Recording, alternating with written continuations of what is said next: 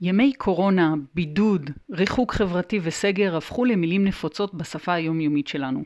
אנחנו במשבר מוזר, קרב מול אויב סמוי, כשהרבה לא ידוע, ומה שכן ידוע רק מוסיף למורכבות של המצב.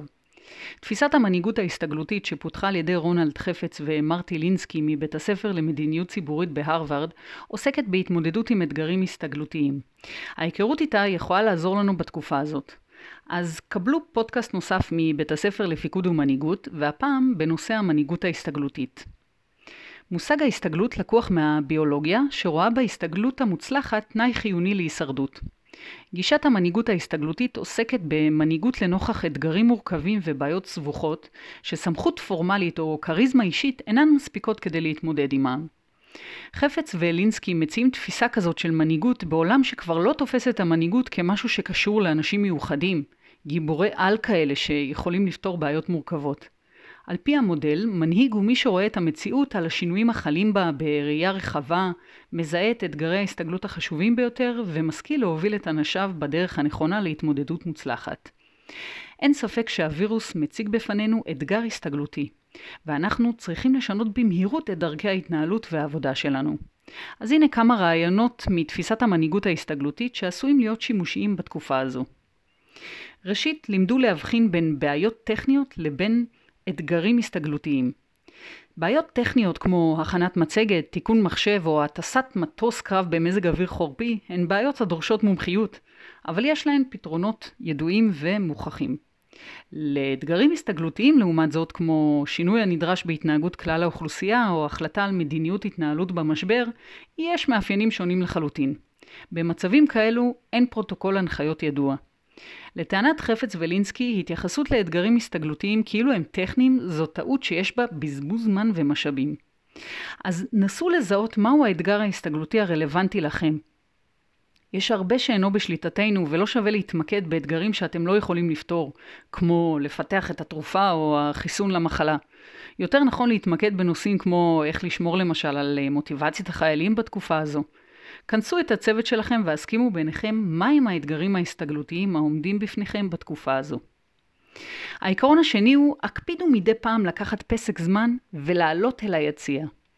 אחד העקרונות החשובים ביותר במודל הוא לעלות אל היציע ולקחת צעד אחורה ולהתבונן במתרחש. במובן המטאפורי, כן? הזמן ביציע נועד לקבל פרספקטיבה ולזהות למשל מהם הדפוסים בצוות. האם יש קונפליקטים, מהם האינטרסים וכולי. כאשר נמצאים מול אתגר הסתגלותי מורכב, חווים יותר לחץ וקל להיסחף לפעול, לפעולות נמהרות, לאבד פרספקטיבה ולפספס את הדברים.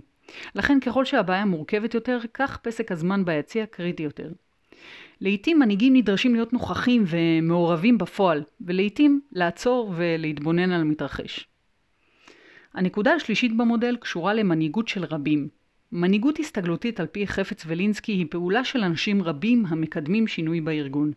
תפיסה זו שונה מהגישה הקלאסית למנהיגות ששמה דגש על מנהיג אחד, בדרך כלל זה שכבר נמצא בעמדת סמכות. כאשר מדובר בבעיות טכניות, הסמכות היא משאב מצוין להובלת המשימות. אבל כשמדובר באתגר הסתגלותי, נדרשת מעורבות של רבים כדי למצוא דרכים לפתרון. למה בעצם? אז uh, מכיוון שמדובר במצב שאינו מוכר, קבוצה רחבה של אנשים יכולה לספק תמונה טובה ומדויקת יותר. ושנית, זה חשוב כדי לסייע לאנשים להתמודד ולהתקדם בתנאים של חוסר ודאות. ככל שיותר אנשים מעורבים, כך ההתמודדות שלהם קלה וטובה יותר, וניתן להבין טוב יותר כיצד כולם חווים את השינויים מסביבם. אז דיברנו עד עכשיו על הבחנה בין בעיה טכנית לאתגר הסתגלותי, עיקרון העלייה אל היציע וחשיבות העיקרון של המנהיגות של רבים. העיקרון הרביעי הוא הנהיגו באמפתיה. המשבר הנוכחי פוגש כל אחד מאיתנו במציאות חיים שונה. כולנו נאלצנו לנטוש את אה, שגרות העבודה המוכרות לנו וללמוד לעבוד בדרכים חדשות.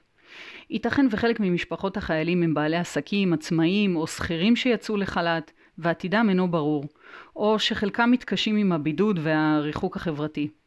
אין ספק שכל אחד נאלץ להסתגל למצב חדש ושונה בחייו. נסו להכיר במצב הממשי והמאתגר שכל אחד מאנשיכם מוצא את עצמו בתוכו, והדגישו את הצורך שכולם יעבדו ויתמכו זה בזה. צרו חיבור אישי עם כל אחד מאנשיכם בנפרד, ספקו ביטחון היכן שאתם יכולים, ויחד עם זאת היו כנים ושקופים לגבי מצבכם שלכם ומצב היחידה. העיקרון החמישי והאחרון הוא משמעת בשמירה על המיקוד. אף אחד לא יודע בוודאות מתי כל המצב הזה יהיה מאחורינו, וזה מצב שבו קל לאנשים לאבד את הפוקוס. ספקו לאנשיכם עשייה באופן מתמיד ושמרו על פוקוס ומטרות. עבודה היא דרך מצוינת לשמור אותם מעורבים וממוקדים. הקפידו לשמור על תקשורת רציפה ותנו הערכה והוקרה על כל הצלחה, גם אם היא קטנה. זה ישמור את האנשים ממוקדים ועם מוטיבציה לאורך זמן. לסיכום, אנחנו בתקופה מאתגרת מאוד, אבל יחד עם האתגר מגיעה גם הזדמנות לפתח את היכולות ההסתגלותיות שלנו, לנצל אותן לצמיחה ולהשפעה. אז אנחנו מאחלים לכם בהצלחה ונשתמע בפודקאסט הבא.